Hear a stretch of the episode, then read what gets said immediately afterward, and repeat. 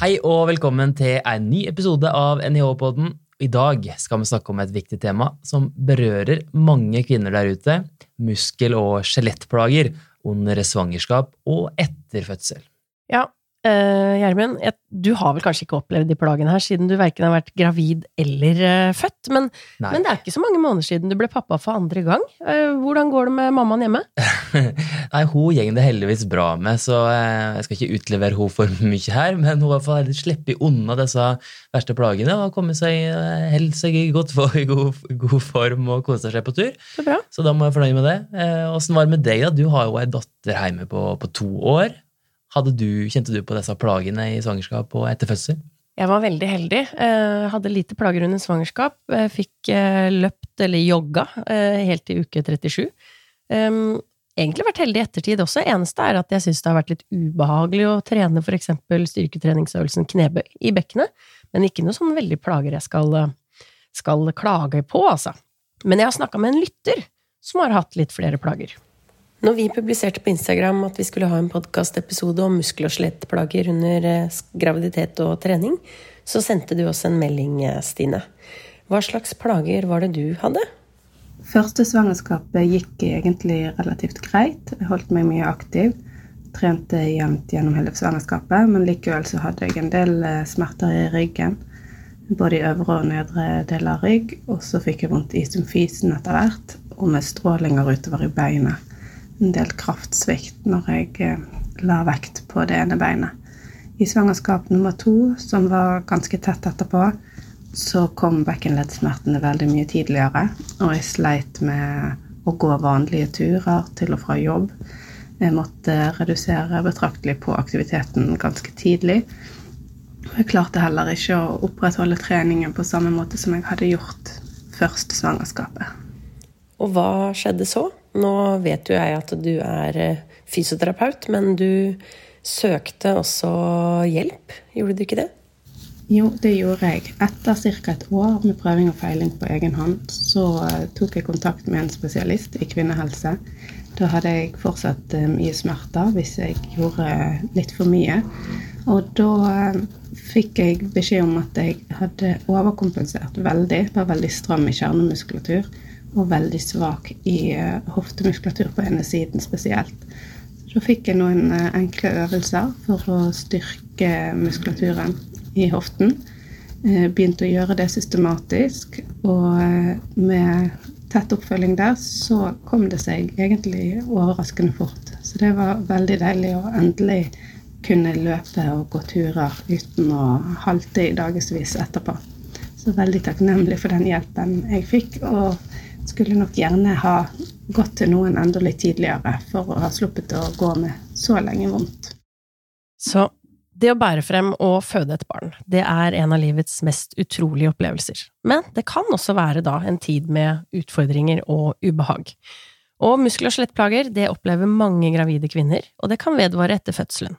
Og nå er vi klare for å dykke litt ned i årsakene, og viktigst av alt hvordan man kan faktisk forebygge plagene. Ja, og vi er jo så heldige her på NIH at vi har en av verdens mest anerkjente forskere her på dette området her på huset. Vi har invitert Kari Bø, professor ved Institutt for idrettsmedisinske fag her på NIH, til å dele sin kunnskap med oss her i NIH-podden. Velkommen, Kari. Tusen takk, og takk for at dere tar opp dette viktige temaet. Så ja, og så er det jo velkommen tilbake igjen. Vi har vært heldige å få lov å bruke deg flere ganger. Først av alt, hvorfor er den tematikken her viktig? Den er jo viktig fordi den påvirker jo så veldig mange kvinner. Altså, for det første så er det jo sånn at de fleste går gjennom en graviditet uten å ha noen plager. Du fortalte om det, kona di, jeg selv har aldri hatt noen plager. Eh, men vi må ikke glemme de som da opplever disse plagene, og de har lett for å bli glemt. For man tenker veldig på at jo, det går fint med graviditeten, man føder eh, et barn, og, og, så skal man liksom klare seg selv. Men veldig, for veldig mange kvinner så er det et problem med da både rygg, bekkenledd, delte mavemuskler og ikke minst bekkenbunnsproblematikk. Så det er disse fire områdene som man kan tenke seg når selvfølgelig man ser dette veldig tydelig under en graviditet, fordi at man får jo veldig stor økning av tyngden foran.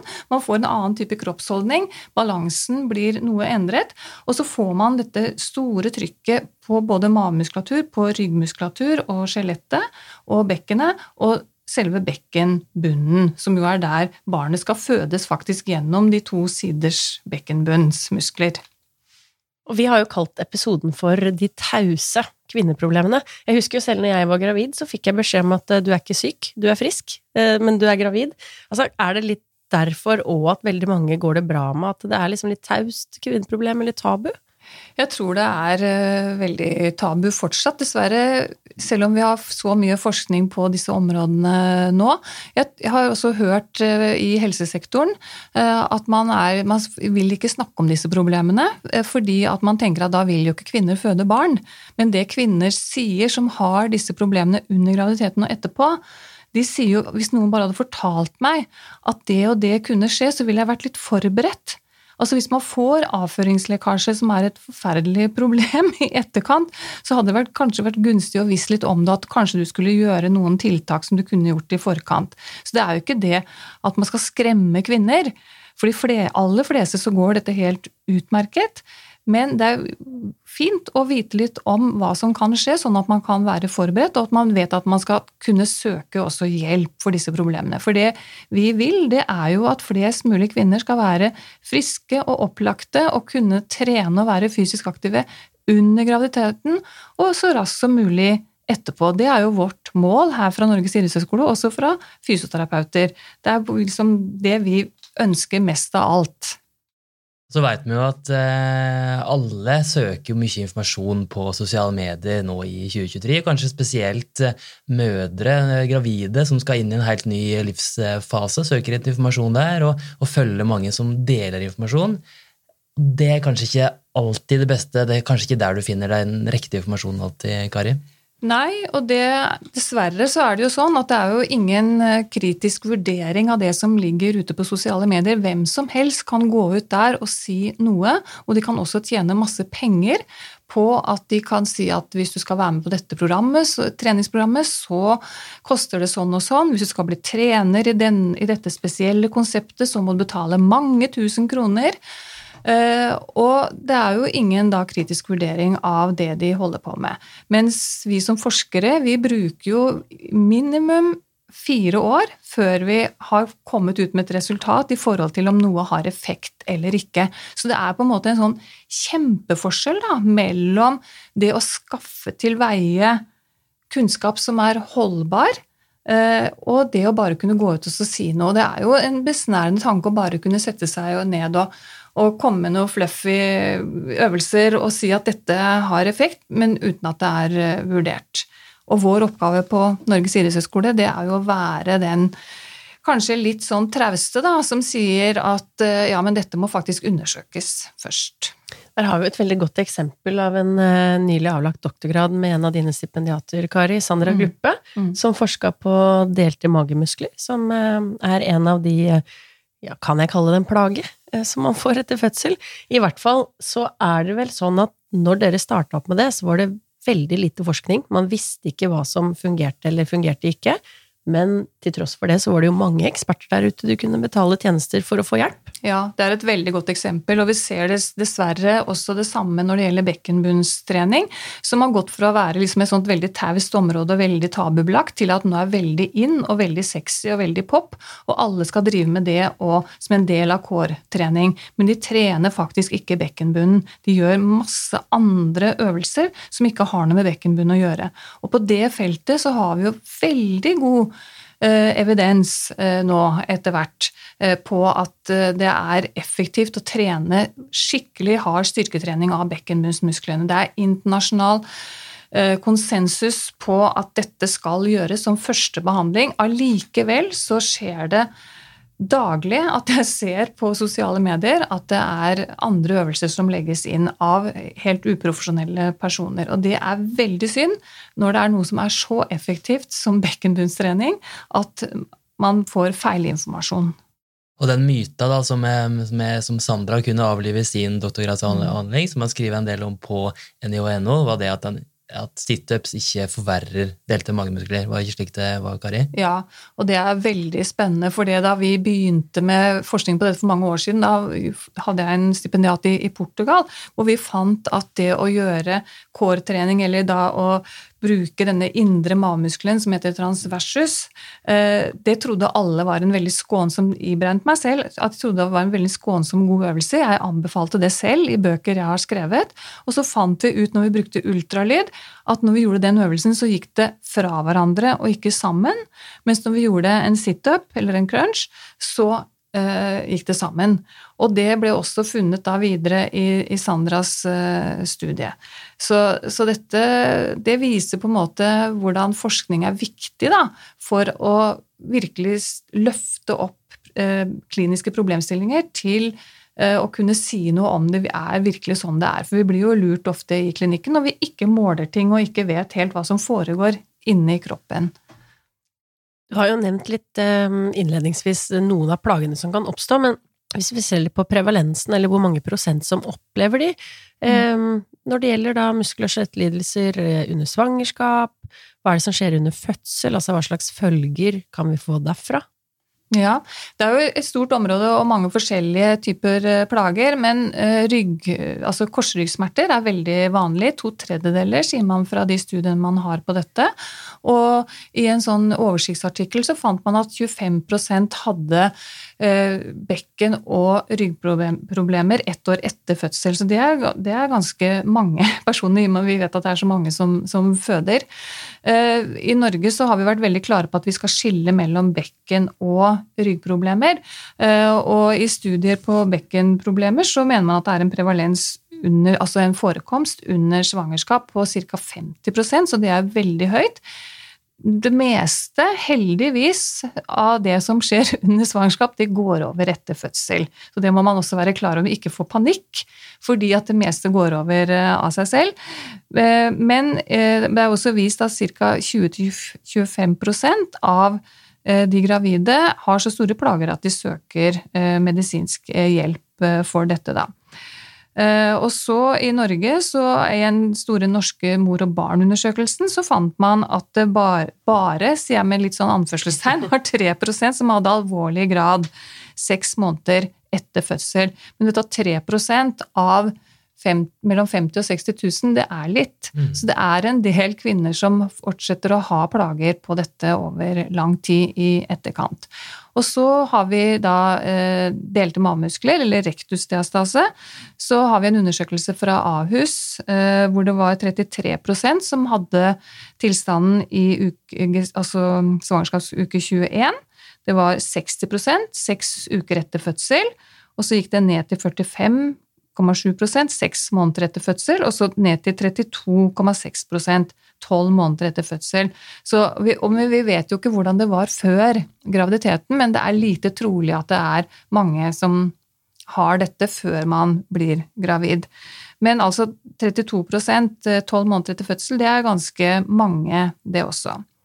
Og så har vi jo da eh, bekkenbunnsproblematikk, og der er det veldig store tall både under graviditet, men først og fremst etter fødsel. Fordi at fødselen i seg selv er eh, det som er den største risikofaktoren for å få eh, urininkontinens, avføringsinkontinens og underlivsprolaps.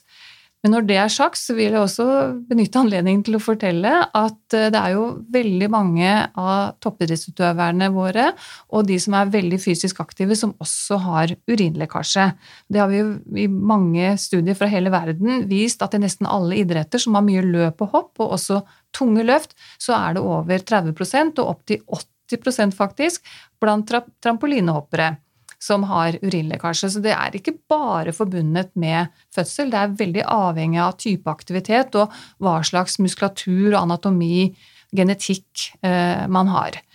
Men eh, Ca. 30 eh, etter fødsel og over det er vist i flere studier. Og en studie som kom da fra Irland, så var det jo veldig stor forekomst med da 54% med urininkontinens, 9% med avføringsinkontinens og 14% med symptomer på underlivsprolaps, dvs. Si at man føler at noe synker ned i skjeden.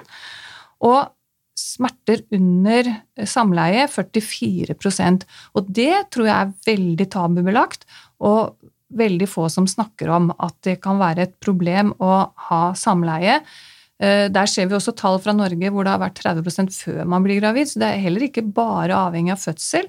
Men eh, dette er jo et stort problem eh, i samlivet, det seksuelle samlivet. Så bekkenbunnsproblematikk er utbredt, og her vet vi jo heldigvis at man har gode forskningsresultater å vise til, særlig under graviditet. Og det er det som er det mest spennende med det feltet, som jeg har jobbet mye med. Eh, det er jo at man kan forebygge ved å trene under graviditet. Og da viser jo disse studiene at hvis man trener bekkenbunnsmuskulaturen under graviditet og ikke har urinlekkasje, så har man 62% mindre sjanse for å oppleve det i graviditeten og også eh, etter fødsel. Det er jo ganske gode tall og positivt å ta med seg. Eh, ja. Gari, kan du ikke fortelle litt mer om åssen type øvelser du vil anbefale til, til, gravide? Ja, og når det gjelder eh, Da tenkte du på bekkenbunns Jeg tenkte på bekkenbunn, ja. ja. Og da er det jo sånn at eh, muskler må trenes i den funksjonen den har. Og bekkenbunn har to funksjoner. Den kan trekke seg sammen rundt åpningene i bekkenet, altså rundt urinrør, skjede for kvinner og endetarm. Menn har jo akkurat de samme musklene, men har ikke denne ekstra åpningen og har litt eh, mindre bekken også, så det er ikke så utsatt. Pluss at dere har prostata i tillegg, så dere får veldig mye hjelp av det. Mens vi har liksom fritt eh, løp ut og veldig kort urinrør i forhold til menn. Eh, så det er den funksjonen. Altså trekke seg sammen rundt disse åpningene og løfte opp og litt fremover. Det er det musklene kan gjøre. Det er akkurat som biceps kan også bare gjøre én ting, og da må vi trene akkurat som vi trener biceps med å bøye i albuen og for å få med lange hodet løfte opp i skulderleddet, så må vi trene bekkenbunnen med å trekke sammen rundt åpningene, løfte opp og frem, og gjøre det så hardt vi kan. Følge helt vanlige styrketreningsprinsipper, spesifikk trening av de musklene det gjelder, og holde 6-8 sekunder, 8-12 sammentrekninger, tre serier per dag. Og så vet vi fra mange studier at hvis man får trening under oppfølging, akkurat som man har personlig trener ellers, så får man mye bedre effekt enn å bli overlatt til seg selv. Så det å gå i en sånn gruppetreningssetting hvor man trener bekkenbunn, eller har en personlig trener eller fysioterapeut som da trener deg individuelt, det er mer effektivt enn å bare prøve på egen hånd. Kan jeg fortelle Eller først så sitter jeg og tenker på, Kari, at når min datter var Og sånn er det ikke alle som har det. Eh, jeg trente bekkmunnen min gjennom hele svangerskapet, og gjorde det ja, godt over et år etter fødsel. Men det er jo fordi at jeg husker at min Lea var tolv timer gammel, tror ikke hun var mer, hvor jeg fikk en gratulasjonsmail av deg, Kari, og så sto det nederst 'Har du begynt med bekkenbunnstrening ennå?' Det var kjapt på. Ja. Eh, men, men, i mine 15 års erfaring som personlig trener, mm. så har jo jeg Jeg har hatt mye fokus på å gjøre sånne ting mindre tabu, og spesielt hvis jeg har hatt gravide kunder så ok, da er det bekkenbunnstrening vi skal gjøre. Men så skal du kanskje gjøre det liksom litt imellom disse PT-timene. Jeg har jo hatt gravide som jeg har sagt at du må henge opp en gul Post-It-lapp ved senga, men de gjør det ikke. Så har du noen sånn tanker eller tips på hvordan skal vi få de til å motivere seg til å gjøre det? Fordi at du ser det jo ikke på utsiden, eller du skjønner ikke helt effekten av det før det er ja, før du faktisk får urinlekkasje, da. Mm. Nei, altså det er jo et evig problem, eh, det å få personer til å trene, selv om man vet at det er eh, bra at man skal gjøre det. Eh, I de studiene vi har gjort, så har vi jo hatt sånn treningsdagbok som vi har bedt de om å henge opp et sted hvor det passer seg, og det kan jo være på badet eller på kjøleskapet, og så må de krysse av og skrive hvor mange sammentrekninger de har tatt, og da tenker jeg i hvert fall idet de begynner å skrive, så trekker de litt sammen. Ellers så spør jo jeg alltid de som jeg underviser, når på dagen tror du at du kan få til å trene? Og da sier jo noen kvinner eneste måten er før jeg står opp av senga, da kan jeg få gjort det. Eller noen sier jeg får ikke gjort det i løpet av dagtid, det er ikke mulig, jeg kan bare gjøre det på ettermiddagen eller kvelden. Men det å finne da selv et sted hvor du kan gjøre det, det er veldig viktig. Og så har det tidligere vært sagt at bekkenbunnstrening kan du gjøre hvor som helst og når som helst, for det er ingen som ser det. Du kan gjøre det med å pusse tenna, når du gjør ditt og datt. Men det er veldig vanskelig, og man blir ikke sterk i muskulatur av å gjøre 100 ting samtidig. Sånn at man må faktisk gå inn i en utgangsstilling med bena fra hverandre, sånn at man får hjernen med seg på at det er disse musklene man skal trene, og ikke alle de andre på utsiden av bekkenet. Og så uh, sette i gang, og så gjør man skikkelig 8-12 skikkelig harde sammentrekninger. Uh, jeg har alltid undervist dette når jeg har uh, gruppetreningstimer. Akkurat nå så har jeg ikke det, så nå når jeg våkner kanskje midt på natta og jeg ikke får sovne, sovne igjen, så har jeg bestemt meg ok, nå trener jeg bekkenbunn.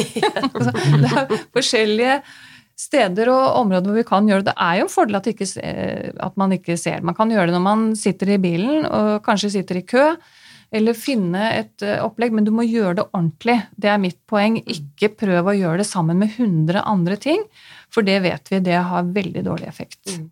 Og så litt sånn, Nå er vi jo på da de som jobber der ute, og de som veileder, instruerer andre. Så kan i hvert fall det være et tips som kommer fra meg, da, med min erfaring, at uh, siden det kanskje er litt tabu, og det litt, kan være litt flaut, så går det an å legge seg ned i en stilling hvor du gjemmer ansiktet litt. Mm. Kanskje du ligger med magen ned, knærne ut. Så kan hver enkelt deltaker på en gruppetime ligge litt for seg sjøl, eh, mens du instruerer muntlig. Men da har det liksom bare fokus på seg sjøl, da. Ja, og det er veldig bra. Det, jeg kaller jo den stillingen for froskestilling. Ja. Og, og disse stillingene som jeg begynte med da jeg begynte med min doktorgrad. Da visste jo ikke jeg hvordan jeg skulle få til et mest mulig effektivt treningsprogram, så da så jeg litt sånne kinesiske treningsbøker, faktisk. Og der var alle stillinger med bena fra hverandre. Så jeg bruker altså skredderskilling, eh, liggende på gulvet med ett ben opp på siden og igjen med ansiktet ned, froskestillingen som du henviste til. Eh, også sittende eh, på stoler, stående, og du kan stå med, med ryggen til, med siden til. Du kan gjøre det på veldig mange måter. og det gir også variasjon i trening. For det er jo det er jo ikke altså, Jeg blir litt lei når folk sier at det er så kjedelig å trene bekkenbunn. Ja, det er jeg jo for så vidt enig i. Jeg syns det er kjedelig å trene biceps òg. Og veldig kjedelig å trene triceps. Og det er ikke spesielt morsomt å drive med knebøy heller. Men, altså, men man gjør det. Ikke sant? Og det, det som er verre med bekkenbunn, det er at vi ikke ser det. Så vi får ikke den der visuelle feedbacken. Og hvis vi har skader i bekkenbunn, så er det selvfølgelig vanskeligere å få det til. Så det er litt mer sånn knotete å gjøre det. Men når du først har fått tak i det og begynner å trene bekkenbunn, så går det veldig fint. Så der man må være over den der første bøygen, så går det veldig bra. Skal vi over på lytterspørsmål, Kristina? Vi har fått en del spørsmål til Neopoden, eh, Instagrams eh, konto. Mm. Så det er bare å stille spørsmål til, til alle temaer vi tar opp i Neopoden. Mm. For da snakker vi jo litt om, eh, om dagens anbefalinger på da spesifikt bekkenbunnstrening, og, og, der har vi fått inn et lite spørsmål på Altså, spørsmålet, og det vil jeg si du har svart på, det er jo om det er bekkenbunnstrening som gjelder preventivt og etter fødsel for å motvirke lekkasjer. Men litt sånn i forlengelse av det, altså hva er egentlig effekten av bekkenbunnstrening? Ja, nå kommer jeg rett fra Toronto på en konferanse hvor jeg snakket om mekanismer for hva som skjer når du trener bekkenbunn. Og det er ganske formidable endringer som er vist med ultralyd og MR. Eh, også fra våre grupper her i, i Norge, hvor vi ser at vi lukker eh, rundt disse åpningene. Det går tettere sammen. Vi løfter opp ca. en Eh, altså en halv centimeter høyere opp med bekkenbunn når man har trent eh, i, i seks måneders eh, tid. Man får et økt trykk i urinrøret, sånn at det ikke åpner seg, og vi får mindre nedoverbevegelse av alle indre organer. Og det vil være da eh, livmor, eh, blære, eh, endetarm, som ikke da går nedover når vi øker buktrykket, som vi gjør ved f.eks. løp, hopp, hosting, nysing, eh, sterke, eller tunge løft. da, eh, sånn. Så det skjer altså store og gode morfologiske eh, endringer, dvs. Si anatomiske endringer, når vi trener bekkenbunn, akkurat som det gjør med annen muskulatur. Og det går direkte på årsakene til urinlekkasje og underlivsprolaps og da eh, avføringslekkasje. Jeg tenker jo at her er det egentlig bare å si til de som lytter, at eh, lokk igjen alle tre heisdørene hvis du er dame. ja. Ta heisen opp i andre etasje, bli der et sekund eller to, og så tar du heisen rolig ned igjen. Ja. Vi skal over på eh, delte magemuskler, eller da rektusdiastase. Ehm, vil en eksisterende rektusdiastase forverres ved en ny graviditet, hvis du da har vært gravid tidligere? Det skulle jeg ønske jeg kunne svare på, men det vet vi faktisk eh, ikke. Eh, vi vet vel at eh, den ikke går tilbake nødvendigvis av seg selv. Den gjør det hos noen. Hos de fleste kvinner så det, det kan det gå tilbake, men hvis du har store diastaser, så går det jo ikke tilbake. Og da tenker man at en ny graviditet vil jo ikke endre noe på det. Det er ikke sikkert den blir verre, men den blir antagelig ikke noe bedre. Eh, av det. Men så er det jo ikke så farlig å ha disse litt mindre moderate diastasene, for det er jo også noe vi har funnet i Sandras eh, doktorgrad og i andre studier nå, at det er ingen sammenheng med f.eks. urinlekkasje eller med eh, korsryggsmerter eller bekkenleddsmerter og disse små og moderate diastasene. Så det er også litt sånn skremselspropaganda for å få kvinner til å trene spesielle programmer som man ikke vet effekten av. Så sier man at det har sammenheng med disse tingene, men det, det har det ikke i de studiene som er gjort. Men vi vet veldig lite om de store diastasene. Og i Sandras prosjekt så hadde vi jo en kvinne som hadde en 8 cm bred åpning mellom de to mavemusklene. Eller avstand, det er ikke riktig å si åpning, for det er jo ikke åpent, men en avstand mellom de to mavemusklene. Og heldigvis er det veldig få av de, men det gjør det vanskelig å forske på, for vi trenger jo mange for å kunne si noe eh, om treningsprinsipper, og om disse har mer problemer enn andre. I Sandras studie så fant vi at de få vi hadde med, så var det ikke noe at de var mer utsatt for rygg- og bekkensmerter, men det er en altfor liten studie til å si noe om det. Så vi er veldig opptatt nå av å kunne undersøke de med store eh, diastaser. Mm. Og Sandra-studiet som du nevner, kan legge ut det på NIH-poden sin story, artikkelen eh, om den, hvis mm. eh, dere ikke har fått med dere den tidligere. Nytt eh, lytterspørsmål om diastase, delte magemuskler. Hvilken treningsøvelse er det som anbefales når en har diastase, og har det effekt? Det skulle jeg også gjerne kunne svart på, men det kan vi heller ikke i dag. Det er et ganske nytt forskningsfelt her. Eh, og i Sandra sin eh, studie så gjorde jo vi da eh, de øvelsene som vi hadde sett med ultralyd, førte til at det gikk sammen. Disse mammusklene gikk sammen. Det hadde ingen effekt når vi trente det over tre måneder. Men det som var veldig interessant der, det var jo at vi trente da nettopp med crunch, situps, hodeløft og også sidesitups, som jo vi har sagt man ikke skal gjøre tidligere. Og det var jo ikke noe negativt med å gjøre disse øvelsene. Så vær så snill, alle sammen som har diastase, dere kan prøve dere frem, gjøre forskjellige typer maveøvelser. Det er ikke farlig å gjøre situps. Husker jeg at deltakerne ble sterkere?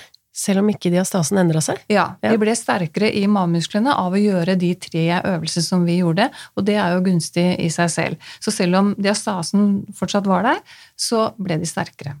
Og jeg må også si at Det som var veldig interessant i eh, hennes eh, studie, det var jo at 72% av de som de trodde de hadde diastase og skulle, ville gjerne være med i studien vår, men når vi undersøkte dem med ultralyd, så hadde de jo ikke diastase. Så enten så har de da på en måte fått den oppfatningen selv, at det er en stor avstand mellom eh, mavemusklene, eller så har noen fortalt dem at de har en stor avstand, noe de ikke hadde da. Der har jo jeg, jeg tror jeg har tatt på utallige kvinnemager i mine snart 17 år i treningssenterbransjen. Fordi ja. det er veldig fokus på at uh, disse to fingrene, får ja. du plass til de eller ikke? Og så går man kanskje til en instruktør og spør. Mm. Og så vet vi at det er varierende kompetanse der ute som mm. kan gjøre at det blir litt uh, misforståelser, da. Ja, mm. og så er jo ikke det en veldig sånn sterk metode heller. Mm. For vi bruker jo ultralyd, det er det som er på en måte gullstandard nå for å måle og for å, for å se på. Men det er en veldig ålreit sånn førsteindikasjon. Så det brukte jo vi også for å få det inn i studien, og så målte vi med ultralyd etterpå for å se videre. Så vil jeg nesten si at, eller i hvert fall på de fleste mager, så tror jeg du får inn to fingre, eller følelsen at du får det inn uansett. Bare ved å trykke litt ekstra hardt. Så det, det, vil jo være en metode som er litt svak, da. Mm. Mm. Vi, vi, har en et lyttespørsmål som jeg tenker er viktig å, å, å få besvart. Eh, det handler igjen om eh, lekkasje. Mm. Nå har vi snakka om hvor vanlig det er, men hvor lenge etter fødsel er det normalt? Jeg tenker jo da, går det tilbake igjen av seg selv hvis jeg ikke gjør noe, eller må jeg da trene? Ja, så det, For de fleste så går det tilbake eh, av seg selv, så man Jeg kan ikke si at man Det er, det er vanskelig å si at man ikke skal trene, men Men eh, når vi ser på sånne studier som følger kvinner over tid, så går det jo tilbake av seg selv også uten, uten uh, trening. Uh, men det er jo noen som fortsetter å, å, ha det videre, og da blir jo trening ekstra viktig. Og det er jo derfor man på en måte skulle ønske da, at alle gravide kvinner fikk en sånn oppfølgingstime hvor man kunne få sjekket dette. Det er jo en av de kravene som man har i det såkalte barselopprøret. Eh, I Norge så ønsker de seg at de skal få en automatisk henvisning til fysioterapeut. Akkurat som man går til seksukerskontroll hos jordmor eller lege, så burde man også få det hos eh, en fysioterapeut som kan sjekke ut disse muskel-skjelettplagene, og ikke minst avdramatisere og på en måte Si at eh, ja, maven din ser annerledes ut nå, men du har ikke noe diastase. Det er ikke noe farlig, og det er ikke noe sammenheng her med det og det. Eller ja, du har lekkasje. Da kan du trene, for det vet vi har effekt. Så den typen oppfølging skulle jo man tro at et rikt land som Norge kunne unne alle gravide kvinner, for dette er jo en investering i fremtiden. Kvinner som har disse problemene, har jo nedsatt livskvalitet. Mange av de klarer ikke å løfte barna sine, de klarer ikke å fungere i samlivet, og da får vi jo ikke veldig bra familiepolitikk heller. Så det, det, henger jo veldig sammen med om man raskt man kommer tilbake på jobb i etterkant, hvilken type jobb man har. Så, så, dette vil jo være en veldig god investering for eh, norske kvinner. Det tenker jeg er en fin eh, oppfordring å gå ut med. En eh, klar oppfordring fra professor Kari Bø til de norske politikerne. Mm, støtt barselsopprøret, rett og slett. Ja, rett og mm. slett. Og det, det var jo eh, Bollestad i Kristelig Folkeparti som fremmet dette på Stortinget, og det gikk ikke igjennom, dessverre. Men vi har ikke gitt opp, for det, her er det mange kvinner som står bak dette kravet. Veldig fint å få kunnskapen din, Kari, inn i NIH-poden igjen. Takk for at eh, du var med oss eh, her i dag. Takk til deg, Kristina. Jo, i like måte, Gjermund. Og følg oss på NIH-poden. Der oppdaterer vi jevnlig. Det jeg med redigerer i denne episoden, det er Eskil Byrkjelland. Vi høres!